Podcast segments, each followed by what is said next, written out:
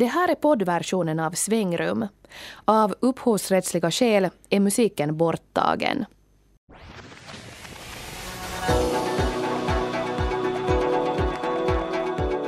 Jesus på julfest och Amen i kyrkan. Men hur borde skolorna egentligen fira jul?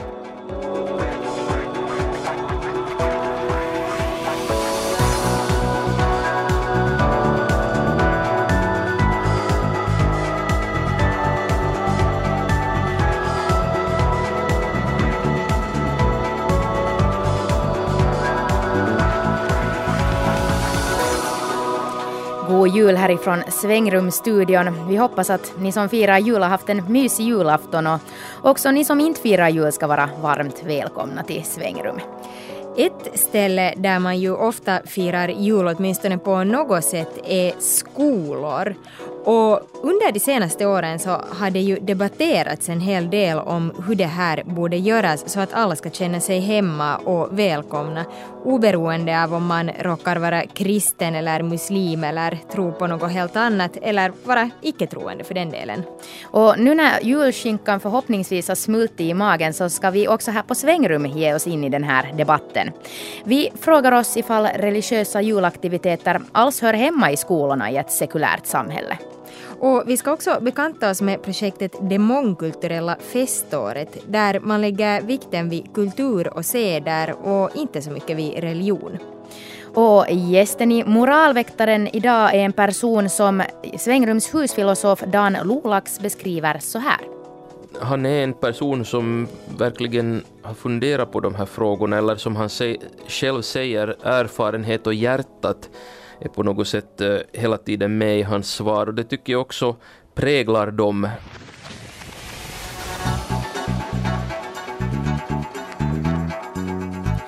Och det var alltså vår husfilosof Dan Lolax omdöme om Ahmed Hassan som är nybliven ordförande för Svensk Ungdom och som får svara på kniviga frågor om etik och moral i dagens sändning. Och du lyssnar alltså på livsåskådningsmagasinet Svängerum tillsammans med Nanette Marie Forsström och Kira Schröder. Och nu ska vi alltså tala om julfirandet i skolan och besöka en skola som har valt att i år pröva på ett alternativt sätt att fira jul. Skolan är med i projektet Det mångkulturella feståret där några skolor per år får ordna olika högtidsfester längs med året och samtidigt lära både elever och föräldrar om olika kulturella seder. De senaste veckorna har det sjungits julsånger, ofta med kristet budskap, i skolor runt om i landet. Så också i Strömbergs lågstadium i Helsingfors, men där fick inga journalister vara med, av orsaker som vi ska komma in på senare. Jag besöker istället skolan några dagar innan julfesten och träffar Jani Muukkonen som går i femman och sjätteklassaren Rosa Mentula de ser inte kristna julsånger och kyrkobesök som något problem. Ei sitä silleen kannata ajatella, että okei, nyt tää on tällainen uskonto ja meidän on pakko mennä sinne. Et mieluummin ottaa sen silleen, että okei, no ei mun tarvitse mitenkään vaihtaa uskontoa, eikä mua yritetä, va- yritetä saamaan vaihtaa, vaihtaa uskontoa ja tälleen. Man behöver ju inte se det som att man måste tro eller att skolan försöker omvända en, säger Jani.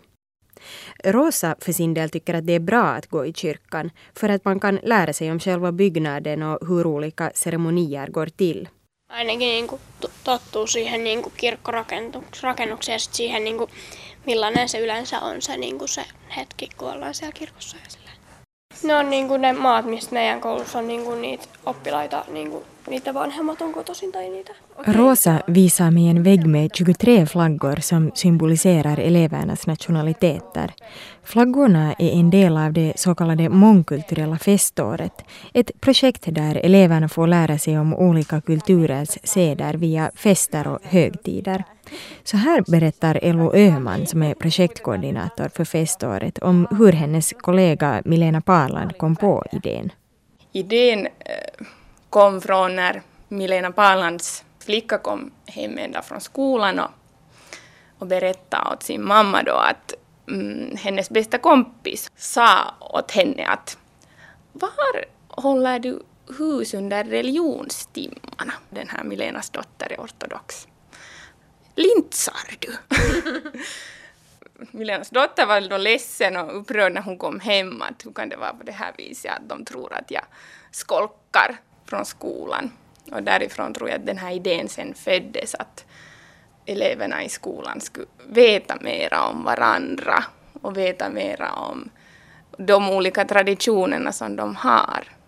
Lösningen blev det så kallade mångkulturella feståret där eleverna lär sig om olika kulturer genom att ordna diverse fester under ett skolår. Några av de fester som man har ordnat hittills är indisk ljusfest, kinesiskt nyår och så den judiska festen Purim som Elo Öhman tycker att det är väldigt rolig. För det är maskerad och allt är lite upp och ner och, och eleverna älskar det och på en skola så hade lärarna hittat på en sån här vattenpost där en lärare satt under ett ämbar med kallt vatten och sen fick eleverna kasta en sån där ärtpåse på en måltavla sen när de träffas så blev ju läraren våt och, och alla jublade, hela skolan jublade när de träffade. I Strömbergs skola har man hittills firat Id al-Fitr som är avslutningsfest för muslimernas fastemånad Ramadan. Barnen fick höra personliga berättelser om vuxnas egna högtidsminnen. Man lagade mat tillsammans och barn och föräldrar deltog i olika verkstäder. I Strömbergs skola har det mångkulturella feståret varit en succé både bland barn och föräldrar. No siis se on, se on tosi kiva ja kiinnostavaa oppia niin kuin uutta ja niin kuin tietää, miten siellä niin kuin esim. naapuriskin juhlitaan niin kuin sitä iidijuhlaa ja muita niitä juhlia. Det är roligt att lära sig om andra kulturer och att veta till exempel hur ens grannar firar idfesten, säger Rosa. Jani håller med och säger att han är privilegierad som får gå i en skola med så många evenemang. On se sillä ihan kiva, että kun miettii, että muissa kouluissa ei ole niin kuin kauheasti ollut tällaisia, että meille se on niin kuin bonusta, että me saadaan tutustua tällaisiin ja on niin kuin tällaisia eri niin kuin tällaisia tempauksia tälleen. Också föräldrarna har gillat evenemangen. En av dem är Abdi Omar som tycker att det mångkulturella feståret är ett mycket bra initiativ som han gärna ser en fortsättning på. Se on todella kiva ja mä toivon, että tämä perinne myöskin jatkuu. Ja siitä lähtee semmoinen yhteisymmärrys ja, ja yhteistyö alkaa ja, ja ihminen tulee toimia toista kanssa niin helposti. Ja itsetunto myöskin kehittyy sillä tavalla, että sinä olet mukana. Flera av Abdi Omars barn går i Strömbergs skola som han betecknar som världen i miniatyr. Omar är somalier och har bott i Finland i 21 år och som muslim firar han inte kristen jul själv. Men för honom är det en självklarhet att delta i skolans julfirande av respekt för andras kultur. Uh, joulu on, siunattu aika Suomessa ja, ja ihmiset viettävät uh, heidän uskonto mukaisesti. Ja meidän, minä itse asiassa olen islami. Ja sitten minä tiedän, että se on kiva, että kävereille ja naapuristokin, jos ne viettää, myöskin osoittaa kunnioitusta ja, ja osallistua. Ja se on todella kiva. Från det mångkulturella festårets sida betonar man att det inte handlar om religionsutövning. Men hur talar man då om de fester som bottnar i religionen?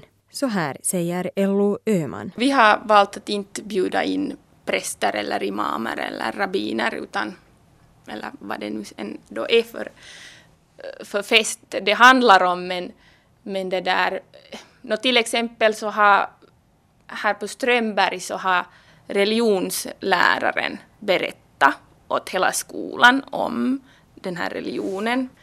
Och sen har vi haft en berättargäst som har berättat om hur han eller hon firade den här festen när de var liten. Och sen har eleverna fått ställa frågor åt den här berättargästen. Till exempel när vi hade den här idfesten så hade vi en en finlandstatar som berättade om hur han firar Beiram.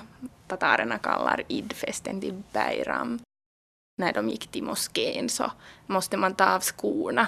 Det här berättade han alltså.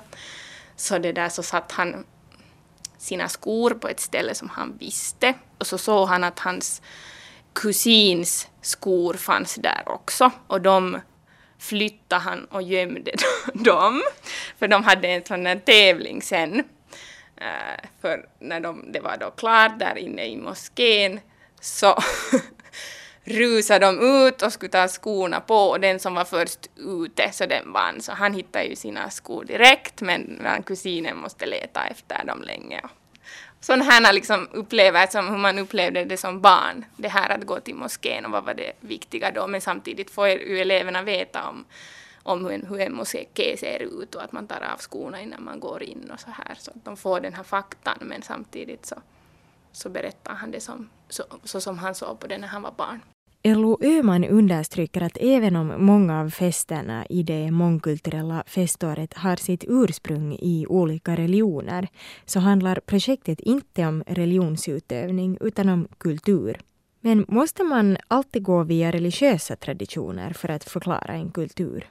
Ja, vi är nu så fast vid våra fester och det här, kring det här projektet men många skolor har ju sådana här temadagar och sådana här temaveckor veckor och där man bekantar sig med olika kulturer. Och, men alltså nu har vi också firat fester som inte hör till religion, till exempel på en skola där det fanns hemskt mycket estniska elever. Så där ville de fira estnisk morsdag som är en jättestor tradition i Estland, att man ordnar sådana här eh, morsdagskonserter åt sina mödrar. Och det var också en lyckad och fin fest där. Också skolans rektor Päivi Ristolainen betonar att feståret inte handlar om religionsutövande. Mutta luonnollisesti niin ihan niin kuin kaikissa näissä juhlissa niin me emme tee uskonnon harjoittamista.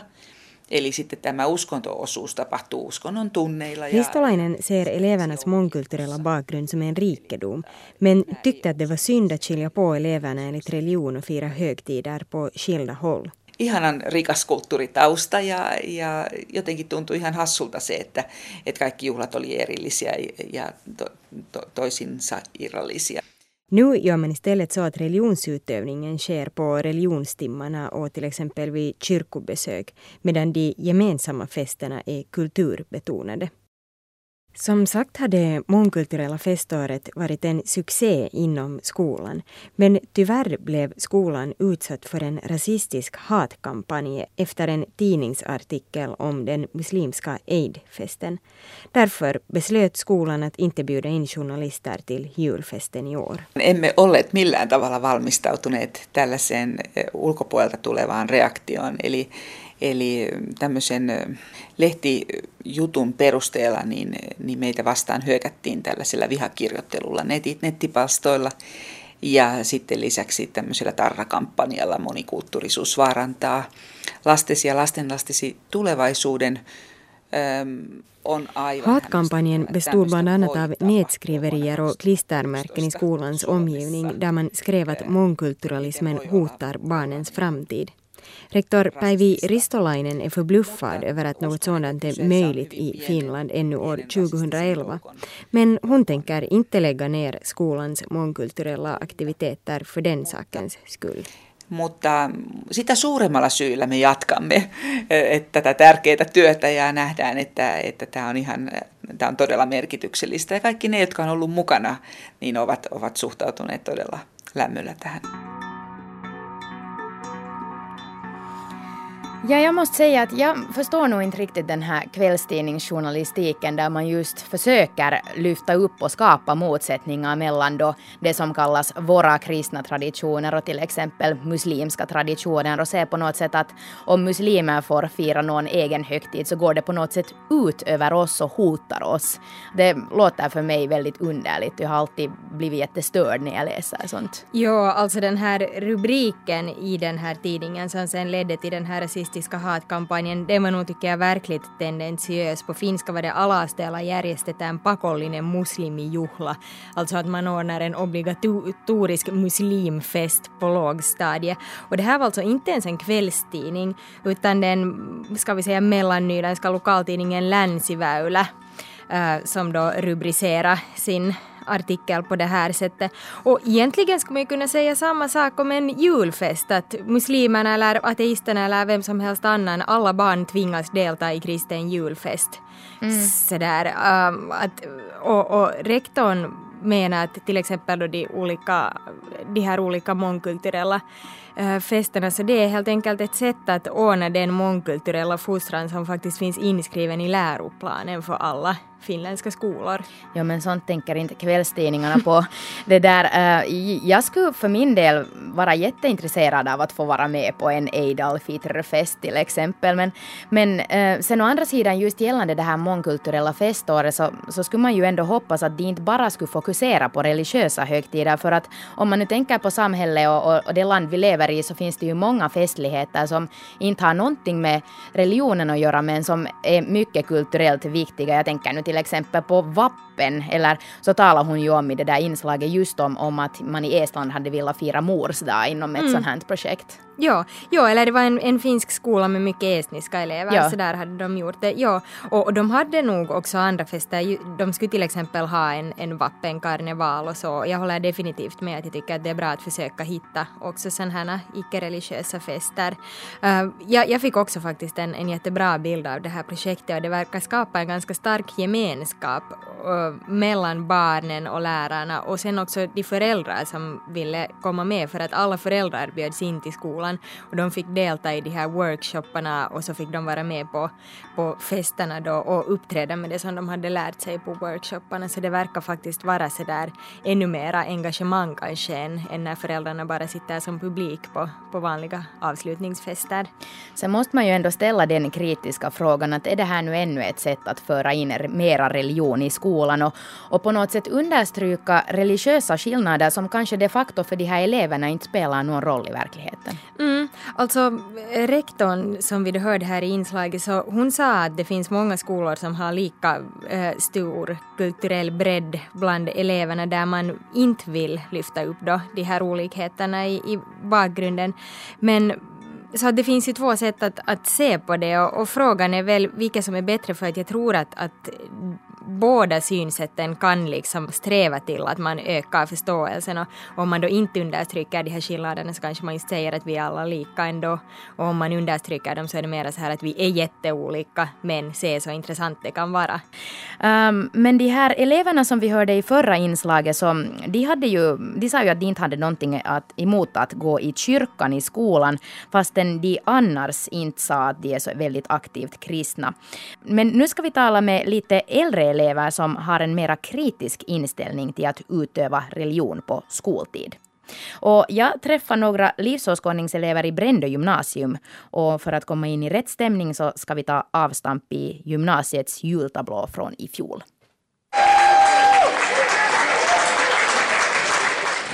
Det folk som vandrar i mörkret ska se ett stort ljus. Ja, och för den som bor i dödsskuggans land ska ett ljus skina klart.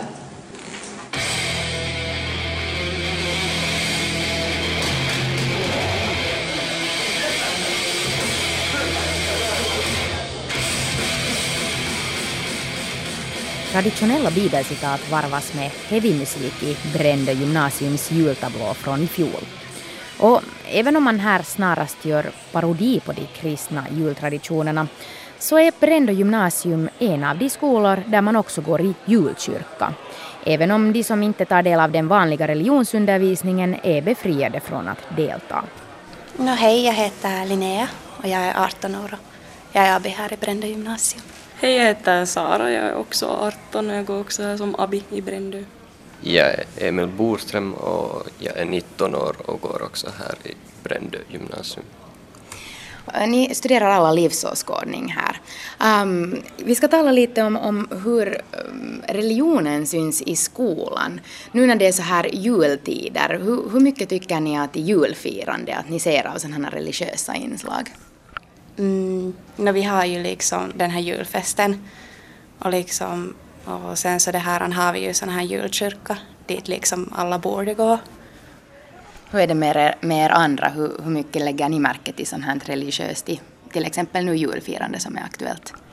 No, jag märkte kanske mer på lågstadiet och högstadiet. Jag lägger inte kanske lika mycket märke vid det nu vid gymnasiet. Men att just den här julkyrkan så inte har jag någonsin deltagit i den fast inte tycker att det är något fel med det heller men att det kanske inte tilltalar mig.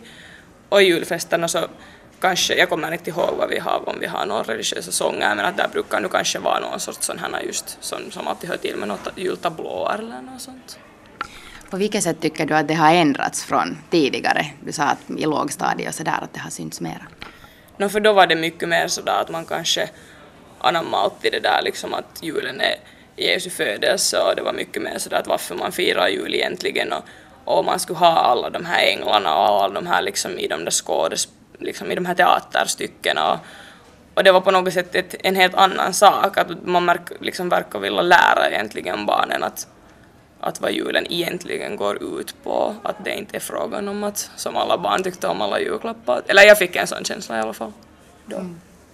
Hur ser du på det här med religionen i skolornas julfirande? Mm, ja, no så här i gymnasiet så är det kanske mest bara just Lucia kanske, om det är nu helt hur man vill tolka den, och sen julkyrkan. Och jag har nog inte heller någonsin gått den där julkyrkan. Kanske någon gång i högstadiet eller någonting, där tror jag inte att man hade lika fritt val om att fara dit eller inte. Att om du hörde till religionsundervisning, om du gick den, så då måste du gå dit fast du inte hörde till kyrkan eller fast du inte skulle vilja gå dit. Hur ser du på det här med att man ska gå i kyrkan i skolan? Hör det dit?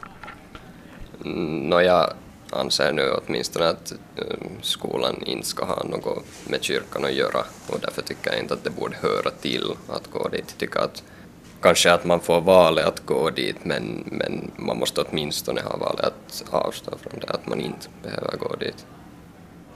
Hur är det med dig? Um, stör det dig att man går i kyrkan via skolan?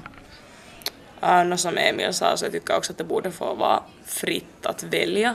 Att jag tycker inte att det hör ihop, skolan och kyrkan hör inte ihop egentligen på något sätt. Att äh, egentligen skulle man i så fall få göra vad som helst annat också i samband med skolan tycker jag personligen att det är ju ens personliga val att går man eller inte. Att det här, jag har nog alltid eftersom jag aldrig har, jag har inte sen lågstadiet haft religion och jag hör inte heller till kyrkan så jag har alltid fått avstå från kyrkan om jag har velat. Vi har alltid haft alternativ just i högstadiet. Vi har, vi har haft glögg och pepparkakor och tittat på South Park med en, med en lärare istället för att vara i kyrkan och sen har vi talat om livets stora meningar och sånt här. Att, att det är ju helt individuellt men att jag tycker nu inte själv i alla fall att det hör ihop. Men har det stört dig på något sätt då sådär? Känner man sig åsidosatt eller är det mera roligt att man får lite fritid eller någonting annat? No, alltså, det är ju aldrig sådär att någon har sagt till mig att du får inte komma till kyrkan utan det är ju så att jag kanske själv har tagit upp det och sagt att måste jag komma. Inte har jag något emot, jag tycker att kyrkor är fina och så här men att för personligen för mig så, så jag har jag är inte kanske den personen som tycker om att sitta och sjunga psalmer liksom. Inte liksom något fel med det heller men att, att det har nog varit bra att de, man helt enkelt har tagit initiativ då från lärarna att, att vi har också fått göra något annat. Att vi inte har måste så att säga vara där.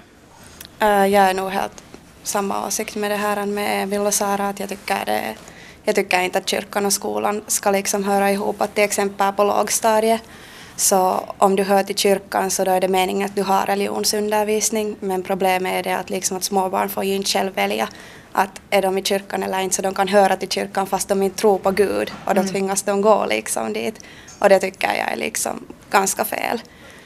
Nå, hur mycket tycker ni då att, att religionen ska få synas i skolorna? Det är nog ganska svårt att säga alltså för att just när det inte kanske har med skolan att göra, det är ju en helt annan sak med allmänbildning.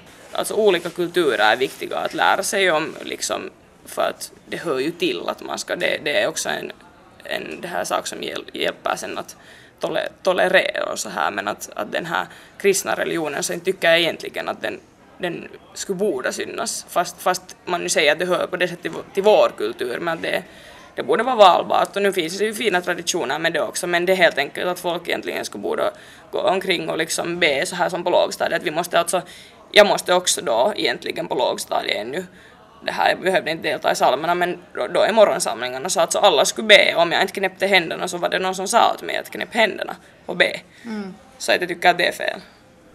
Vad tycker du? För tillfället motsätter jag mig religionsundervisningen så som den är liksom just nu. Att det här att uh, den handlar mycket nu om, liksom, om sån här, liksom, bara den kristna religionen. Att jag tycker att man borde ta liksom, religionen liksom helt bort och sätta det till exempel då in liksom, i historia till exempel. Att det här, att, jag tycker man borde lära liksom mångsidigare om alla religioner och Mm. inte liksom sådär för nu liksom poängteras kristendomen jättemycket. Har ni hört om en sån, en sån här projekt som heter Mångkulturella feståret? Har ni haft något med det att göra? Jag har inte hört om det. Ja. No, det är ett sånt här var man liksom ehm, i skolor just lyfter upp olika uh, religioners sätt att fira olika högtider. Att man kan fira den kristna julen och sen kan man spela, eh, spela fira den här Eid al-Fitr som är muslimsk högtid och sånt här. Um, hur låter en sån sak i era öron? Alltså jag, jag är för liksom att man lär sig av andra kulturer. Liksom jag tycker det, personligen jag tycker att det är intressant men jag tycker det är så synd också att det från många föräldrars sida, alltså in, inte bara liksom finländska, också såna, liksom från andra kulturer som, som alltså uppfattar andras religioner som kränkande och om de vill fira någonting så anser de att det kränker dem.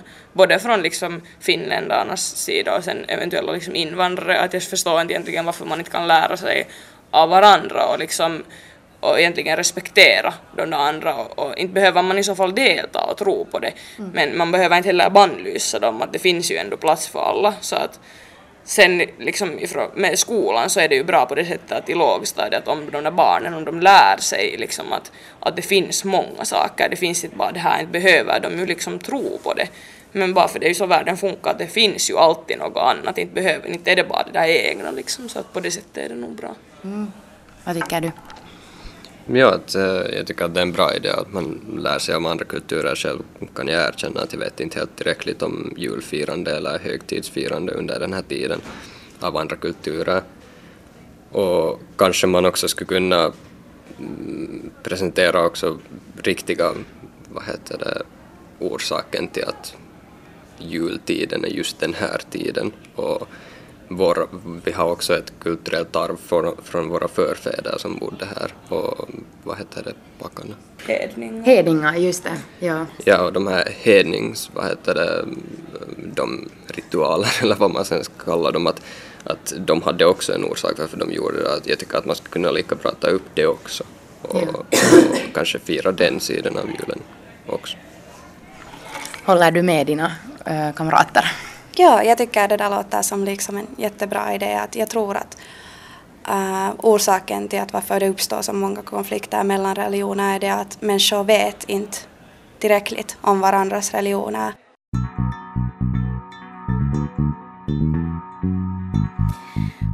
Vi hörde eleverna Linnea, Sara och Emil som alla var abiturienter, eller är abiturienter i Brändö gymnasium. Och jag talade med deras livsåskådningslärare som trodde att det måste finnas någon form av ukas uppifrån om att skolorna måste ordna gudstjänster för att hans teori var det att annars skulle inte så många skolor göra det för att det inte har enligt honom stöd bland lärarna, eller det är inga lärare som brinner så mycket för att man ska få gå i kyrkan på skoltid.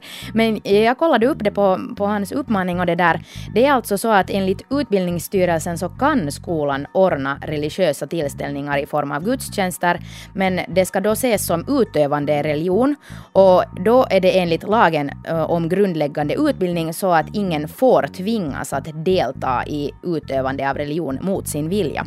Och det här innebär alltså att det inte ska bero på till exempel ifall du har valt livsåskådning eller religion i undervisningen eller om du hör till kyrkan eller inte, utan alla ska ha ett fritt val ifall de vill gå i kyrkan eller inte och jag tror inte att alla skolor är medvetna om det. Mm.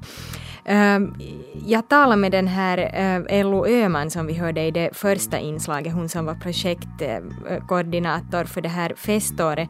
Och hon hade besökt Fritänkarna för att diskutera deras förhållande till, till sådana här mångkulturella fester och, och olika, olika sorters skolfester eh, som då också kan firas under religiösa högtider. Och, och de hade diskuterat vad man borde ordna för alternativ för till exempel livsåskådningselever. För att uh, hon tyckte att det är ju kanske inte riktigt samma sak att till exempel se en film i klassrummet som att gå till kyrkan och då hade de bland annat diskuterat att man kanske till exempel skulle kunna gå på opera istället. Mm, det kan ju i och för sig vara roligare att se på film än att gå i kyrkan men där, den här Sara i, i Brände gymnasium berättade ju till exempel att de hade tittat på South Park och druckit glögg när de andra hade gått till kyrkan. Att var och en på sitt sätt kanske. Ja, julig stämning kan det ju bli ändå.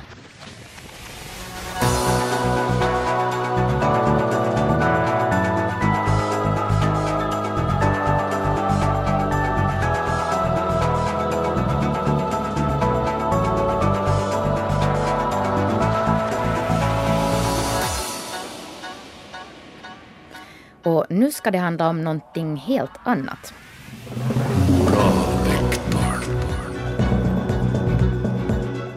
I Moralväktaren ställer vi olika etiska och moraliska spörsmål till samhälleligt intressanta personer och deras svar analyseras sen av Svängrums egen husfilosof Dan Lulax. Och han ger sen poäng på en skala från 1 till 5 och poängen baserar sig inte på huruvida man har så att säga rätt eller fel åsikter utan hur väl man argumenterar för sin syn. Och gäst idag är Ahmed Hassan som är ny ordförande för Svensk ungdom i Helsingfors. Och så här känner han inför moraltestet. Det känns, det känns helt okej okay, för att man vet inte aldrig var det kommer. Man frågar sig så. Det är ganska lugnt så. Uh, hur mycket brukar du normalt i, i din vardag fundera på frågor om etik och moral? Jag tror att man, etik och moral är någonting som sitter inne i människans identitet så man, fun man funderar det på hela tiden tror jag. Varje sak har sitt etik och moral att handla med. Så det, det är inte bara att det är inte, etik och moral är inte någonting som man ska få nästa vecka eller nästa dag. Det, det är någonting som sitter inne i människan. Oavsett vem man är. Då sätter vi igång och vi börjar med en lite um, kanske mer lättsam fråga eller ett exempel som går så här. Tänk dig följande situation. Um, du har varit på dejt och ni ska skiljas åt. Är det då moraliskt rätt att säga att ni ska ringas också om du vet att du med största sannolikhet inte har lust att höra av dig? Jag tror det, det är ett måste att man ska ringa. Det, som, som jag gör, om, om jag Ahmed själv, människorna är inte samma, så individer är inte samma. Och jag tror inte att min lilla brorsa är inte samma som jag. Mm. Så jag skulle ringa, det skulle jag göra det. Också om du inte skulle vara intresserad? Om, varför inte? Att om man inte är intresserad så betyder det inte att man inte respekterar den människan. Så på det sättet skulle jag ringa det. Mm. Men om man skulle veta med sig att man inte skulle ringa, är det då fel att så att säga låta den andra förstå att man kommer att höra av sig fast man inte kommer att göra det? Jag tror inte att det är fel men det beror också på människan hur de tänker för att människan, människorna tänker olikhet. Så ibland säger man någonting som man inte man menar illa så den andra kan ta den handlingen fel. Mm. Så man försöker vara man, man försöker alltid visa den här respekten. Att man är med och medvet, medveten alltid. Är det okej okay att slå tillbaka om någon slår dig först? Det beror på situationen. Men jag, jag, tror inte våld, våld kan lösa ingenting. om någon slår dig så kan du, har du rätt att försvara dig. Det är ditt liv och det är ditt eget säkerhet. Men, men man ska alltid undvika våld. Och det är det som jag uppfostrad mig. Mamman har alltid uppfostrat mig det att, att, att ingen våld fast att du är stark och lång kille och du, du kan det. Så det är bara att dialog att tala och, och fråga varför slog du mig? Varför gjorde jag det? Mm. På det sättet, men ingen våld. Mm. Du sa att eh, man får försvara sig själv. Är det alltså okej då att eh, slå tillbaka i självförsvar? Inte, inte det är okej. Jag, jag sa det att det, det beror på situationen. Om någon har, någon har en pistol och ska skjuta dig, vad, vad, vad ska du göra då? Ska Mm. du bara springa där eller ska du bara låta den här människan döda dig? Så det, det är sådär ett moraliskt att på vilket, hur långt kan man gå att försvara sig? Men om någon slappar dig i handen, inte det är farligt att, att, att inte kan du slå tillbaka med en sådär starkhet eller med våld så. Det beror på hur, hur du hanterar situationen. Så våld kan inte lösa problemet. Det är bara att tala och ha dialog och, och förståelse.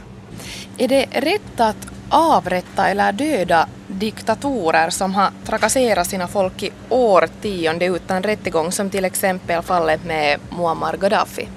Jag, jag tror att var, varje människa har rätt att gå till domstol och, och det, det tillhör mänskligheten.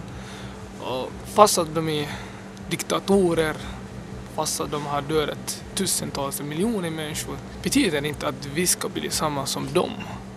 Och det som hände i Libyen var också fruktansvärt för mänskligheten och många, många undrade också hur det hände.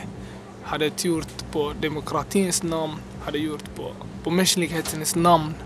Så jag tror att var och, var och en, fast de är dåliga människor, kunde rättas i in domstolen och, och ge den rätt. Då, då, då är vi bättre, då, då gör vi vad demokratin säger, då är vi mer jämställdhet. Men om man handlar som man gjorde, som man gjorde i Libyen, tror jag det var, som man gjorde med Gaddafi så var fel för att alla vet historien att hur vänner han med västländerna, hur han, hur han betalade tusentals miljoner åt amerikanerna och britterna. Alla vet historien och det är ingen, ingen, kan, ingen kan tänka att det var fel då. Men det var fel då att, att ha med honom och vara med kompis med honom. Men nu när man dödar honom så här så tänker man att wow, vad, vad är det här då? Två år sedan, tre år sedan var han där i Washington och träffade Hillary Clinton och eller, eller träffade Cameron, David Cameron och nu vill de döda honom. Så, så det är sådär ett moralisk fråga, så varje människa frågar sig okej, vem, vem, vem, vem, vem är rätt och vem är fel? Så jag tror att alla diktatorer är, borde man sätta dem i domstol för att de, de är sådär virus till samhället. Till exempel i Afrika, eller de diktatorer som nu finns i Mellanöstern. De har inte rätt att vara där. För de är emot demokrati, de är emot mänsklighetens rättigheter.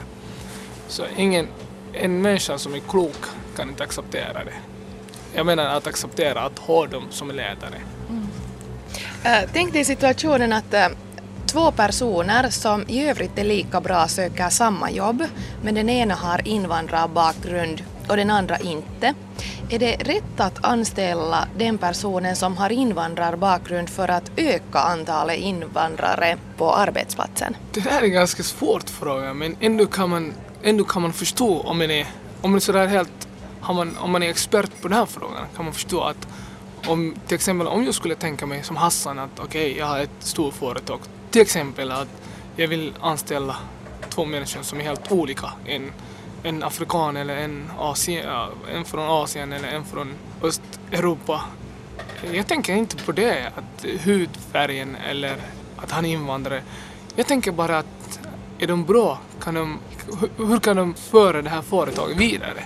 Så det är ett, när man väljer den här processen, rekryteringen, tror jag inte att den här hudfärgen eller invandring kommer det. Och man skulle inte göra det en stor grej, to be honest. Att, att det, det beror på människan. Att, till exempel, om jag ger ett exempel, om, om en, min bästa kompis vill ha ett jobb och jag säger till honom att du ska söka det här jobbet och en annan min bäst finlandssvensk kompis också söker det så betyder det inte att jag ska ta den här invandraren. eller han som man anser att man är invandrare.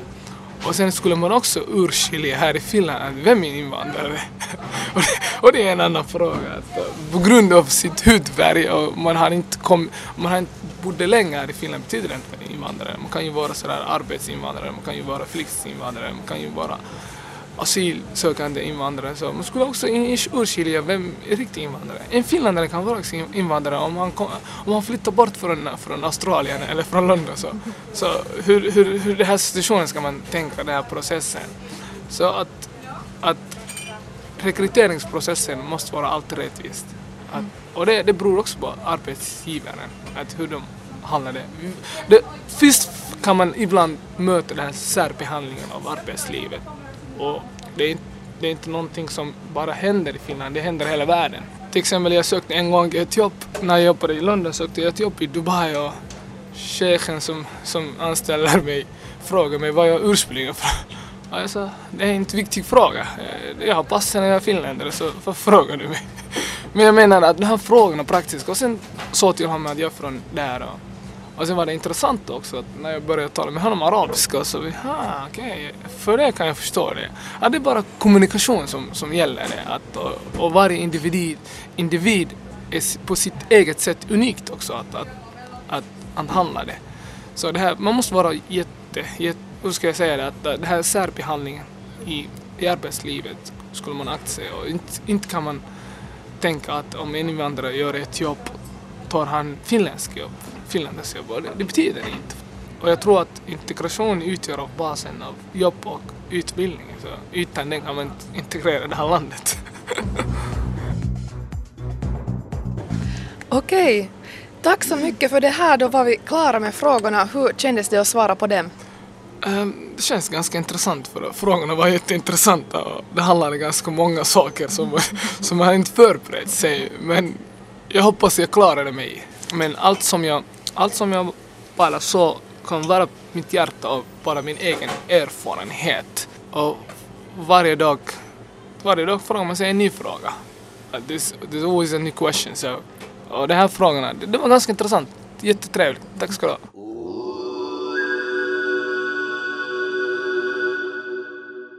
Då säger jag välkommen till vår husfilosof Dan Lolax. Och jag tänkte börja med att fråga dig ett sånt här allmänt intryck av Ahmed Hassans svar. Mm, jag tycker väl att eh, han är en person som verkligen har funderat på de här frågorna eller som han se, själv säger, erfarenhet och hjärtat är på något sätt eh, hela tiden med i hans svar. Och det tycker jag också präglar dem. Um, han säger ju det att eh, inledningsvis att etik och, och moral är så att säga inte någonting som dyker upp med med vägen utan det är någonting som finns närvarande och så att säga inne i människan, det, människan hela tiden uh, med i handlandet, en del av identiteten.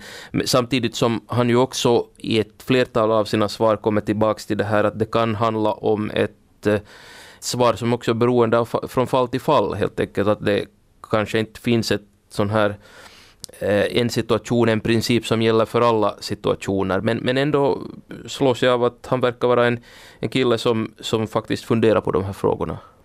Okej, om vi börjar bena ut dem lite så här eh, fråga för fråga. Så den första frågan, den här dejtfrågan, hur mm. tyckte mm. du om hans svar där?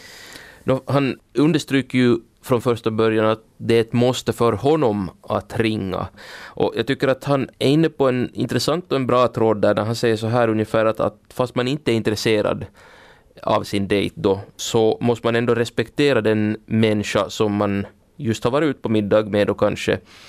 Och det här är ju bra sagt. Eh, men däremot så blir jag lite sådär eh, konfunderad här när han samtidigt understryker den här respekten för en människa och Eh, ändå vill få med att eh, här kanske det finns eh, också godtagbara argument för varför, ingen annan män, varför en annan människa inte skulle tänka som honom. Men kanske är det ändå lite som jag uppfattade en, en glidning i hans resonemang för att respekt är ju ett av de här orden som, som jag ser som ganska liksom Eh, kategoriskt på ett sätt. Alltså eh, respekt är någonting som man hyser för alla människor och det är en sån här princip som man kanske förutsätter att andra människor också har i sig. Eh, och då också så att, att det kanske inte hjälper med en sorts önsketänkande, en förhoppning om att andra också ska respektera till exempel då dejten man har varit på, respektera den människan så pass mycket att man också ringer fast man inte är intresserad. Det, det räcker inte med förhoppning, han skulle kunna kanske till och med vara lite hårdare här och säga att det ska gälla för alla oberoende av hur man är som karaktär. Eh, är det så att respekten inte finns där så kanske man borde ta sig en tankeställare om hurdan person man egentligen är. Så en liten glidning där men ändå ett svar som ingjuter en viss respekt. Hur är det med nästa svar då, det här som handlar om det är rätt att slå tillbaka om någon har slagit en först? Mm. Det här är ju också en en sån här knivig fråga hade ju visat sig för en ganska många som har varit med i Moralväktaren och, och, och blivit ställda just den här frågan. Och man kan väl bara konstatera att, att det här är en av de där frågorna som till sin natur kanske verkar vara ganska konkret, men som på ett visst plan är väldigt teoretisk och man måste kanske förankra den i så att säga konkreta situationer, försöka föreställa sig vad det handlar om. Eh, Ahmed Hassan säger att det beror på situationen, säger också det som vi har hört många andra säga tidigare, att våld löser ingenting, men att man har rätt att försvara sig. Och sen kommer vi till det här dissekerandet då av olika fall och eh, han kommer in på en intressant tanke tankegång här att hur långt kan man gå för att försvara sig? Och det anknyter han just till det um, att han vill göra en skillnad eh, från de här olika situationerna, tänkbara fallen. Att i ena fallet kan det då handla om att någon smättar till någon på handen eller något liknande, då är kanske inte våld eh, någonting som man tar till, men däremot i fall ens, egen, e-, ens eget liv är i fara så kan våld vara nödvändigt eh, för att försvara sig. Och jag tycker att det här visar just på att det är en knivig fråga där det finns så att säga kanske en icke-våldsprincip men det finns också en tänkbar verklighet och det finns en, en tanke om att i slutändan så är det egna livet viktigt att försvara. Och att få båda de här in i ett svar så att de inte är motsägelsefulla är, är kanske, ska vi säga, det, det, är bara så, det här, den här frågans natur är bara sån att, att man måste på något sätt gardera sig. Så verkar det vara för vem, ganska många som har deltagit i moralväktarna. Så att summa summarum, eh, Ahmed Hassan säger det beror från fall till fall, men den övergripande principen är ändå det att våld löser ingenting och är på det hela taget inte okej. Okay. Är det här någonting som äh, syns också i nästa fråga som alltså handlar om det är rätt att avrätta en diktator utan rättegång ifall det är väldigt många människor som har lidit på grund av denna människa? Mm. Här är väl situationen en liten annan som Ahmed Hassan ser det. Alltså, eh, det handlar kanske om att att en sån här, ett sånt här fall handlar om att låta rättvisa skipas och då är frågan hur skipas den bäst? Eh, han säger att varje människa har rätt att gå till domstol och det här verkar vara en princip som han håller väldigt hårt fast vid under genomgående under sitt svar. Eh, och jag tror att i slutändan så, så handlar det väl om det att ställer man en diktator eh, inför rätta eller har man så att säga gripit en diktator så gäller det att se till att också visa att man inte är som det som diktatorn representerar. vi ska inte bli som dem, säger han. och måttstocken för hur deras handlingar ska så att säga dömas är inte så att säga deras handlingar utan vår syn på rättvisa. Och det här är väl eh, ganska liksom eh, begriplig resonemang som Ahmed Hassan eh, tar oss igenom här. Och jag tror att, att kärnan för honom är just det här att eh, har man en, en rättvisestat, ett demokratiskt samhällsskick och en uppfattning om vad som är rätt och fel så då gör man inte såna här, genomför man inte sådana här typer av avrättningar utan det, en, det, det, måste bli på något sätt en juridisk fråga.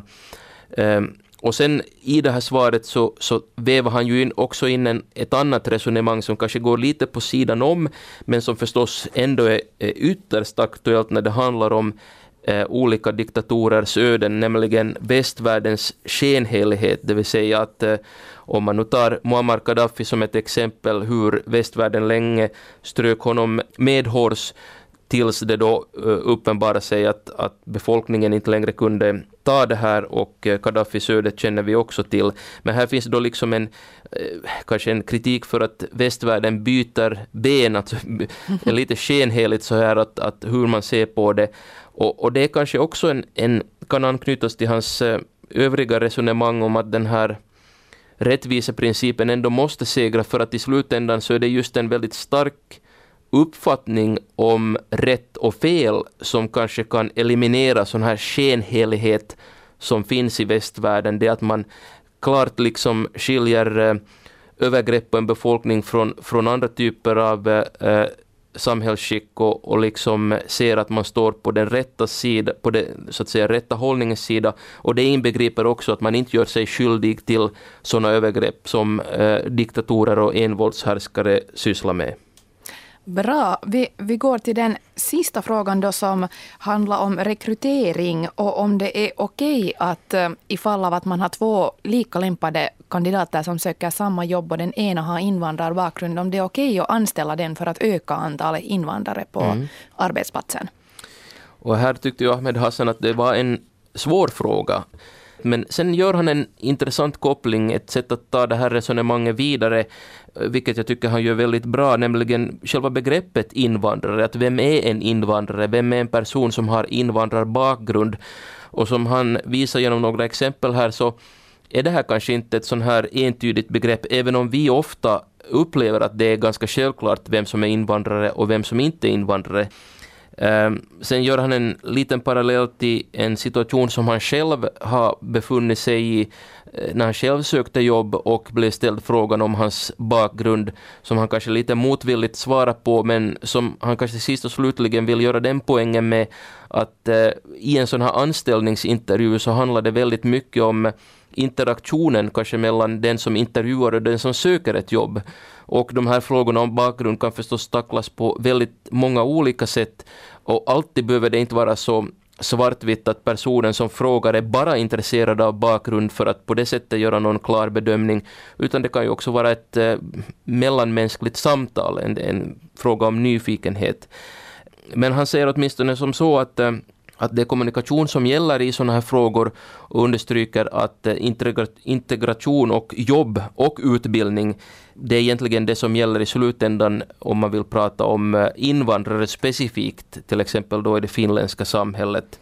Så att eh, även om han inte vill säga att det ska finnas en kvotering här så understryker han ändå det här med jobb och utbildning. Så överlag liksom ett bra resonemang av Ahmed Hassan vad gäller att svara på den här frågan. Om vi då sammanfattar hela intervjun, hur, hur bra klarar han sig då och vilka poäng får han på skalan 1 till 5? Jag tycker att eh, eh, Ahmed Hassan klarar sig riktigt bra i den här eh, intervjun. Han får frågan och är inte rädd att, så att säga, föra resonemanget vidare. Och det som han poängterar också där på slutet, att, att eh, han svarar väldigt mycket utanför, utgående från erfarenhet och utgående från sitt eget hjärta. Eh, det tycker jag håller väldigt bra intervjun igenom. Så att eh, jag ska ge honom en trea och en stark trea kan jag väl betona. Tack så mycket Dan Lolax. Tack.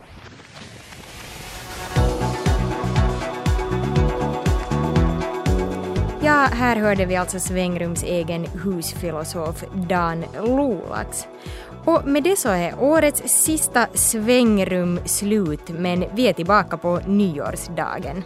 Och då ska det handla om ett tema som också kan vara aktuellt så här i juletider då man kanske jämför sina julklappar med andras, nämligen avundsjuka. God jul och gott nytt år!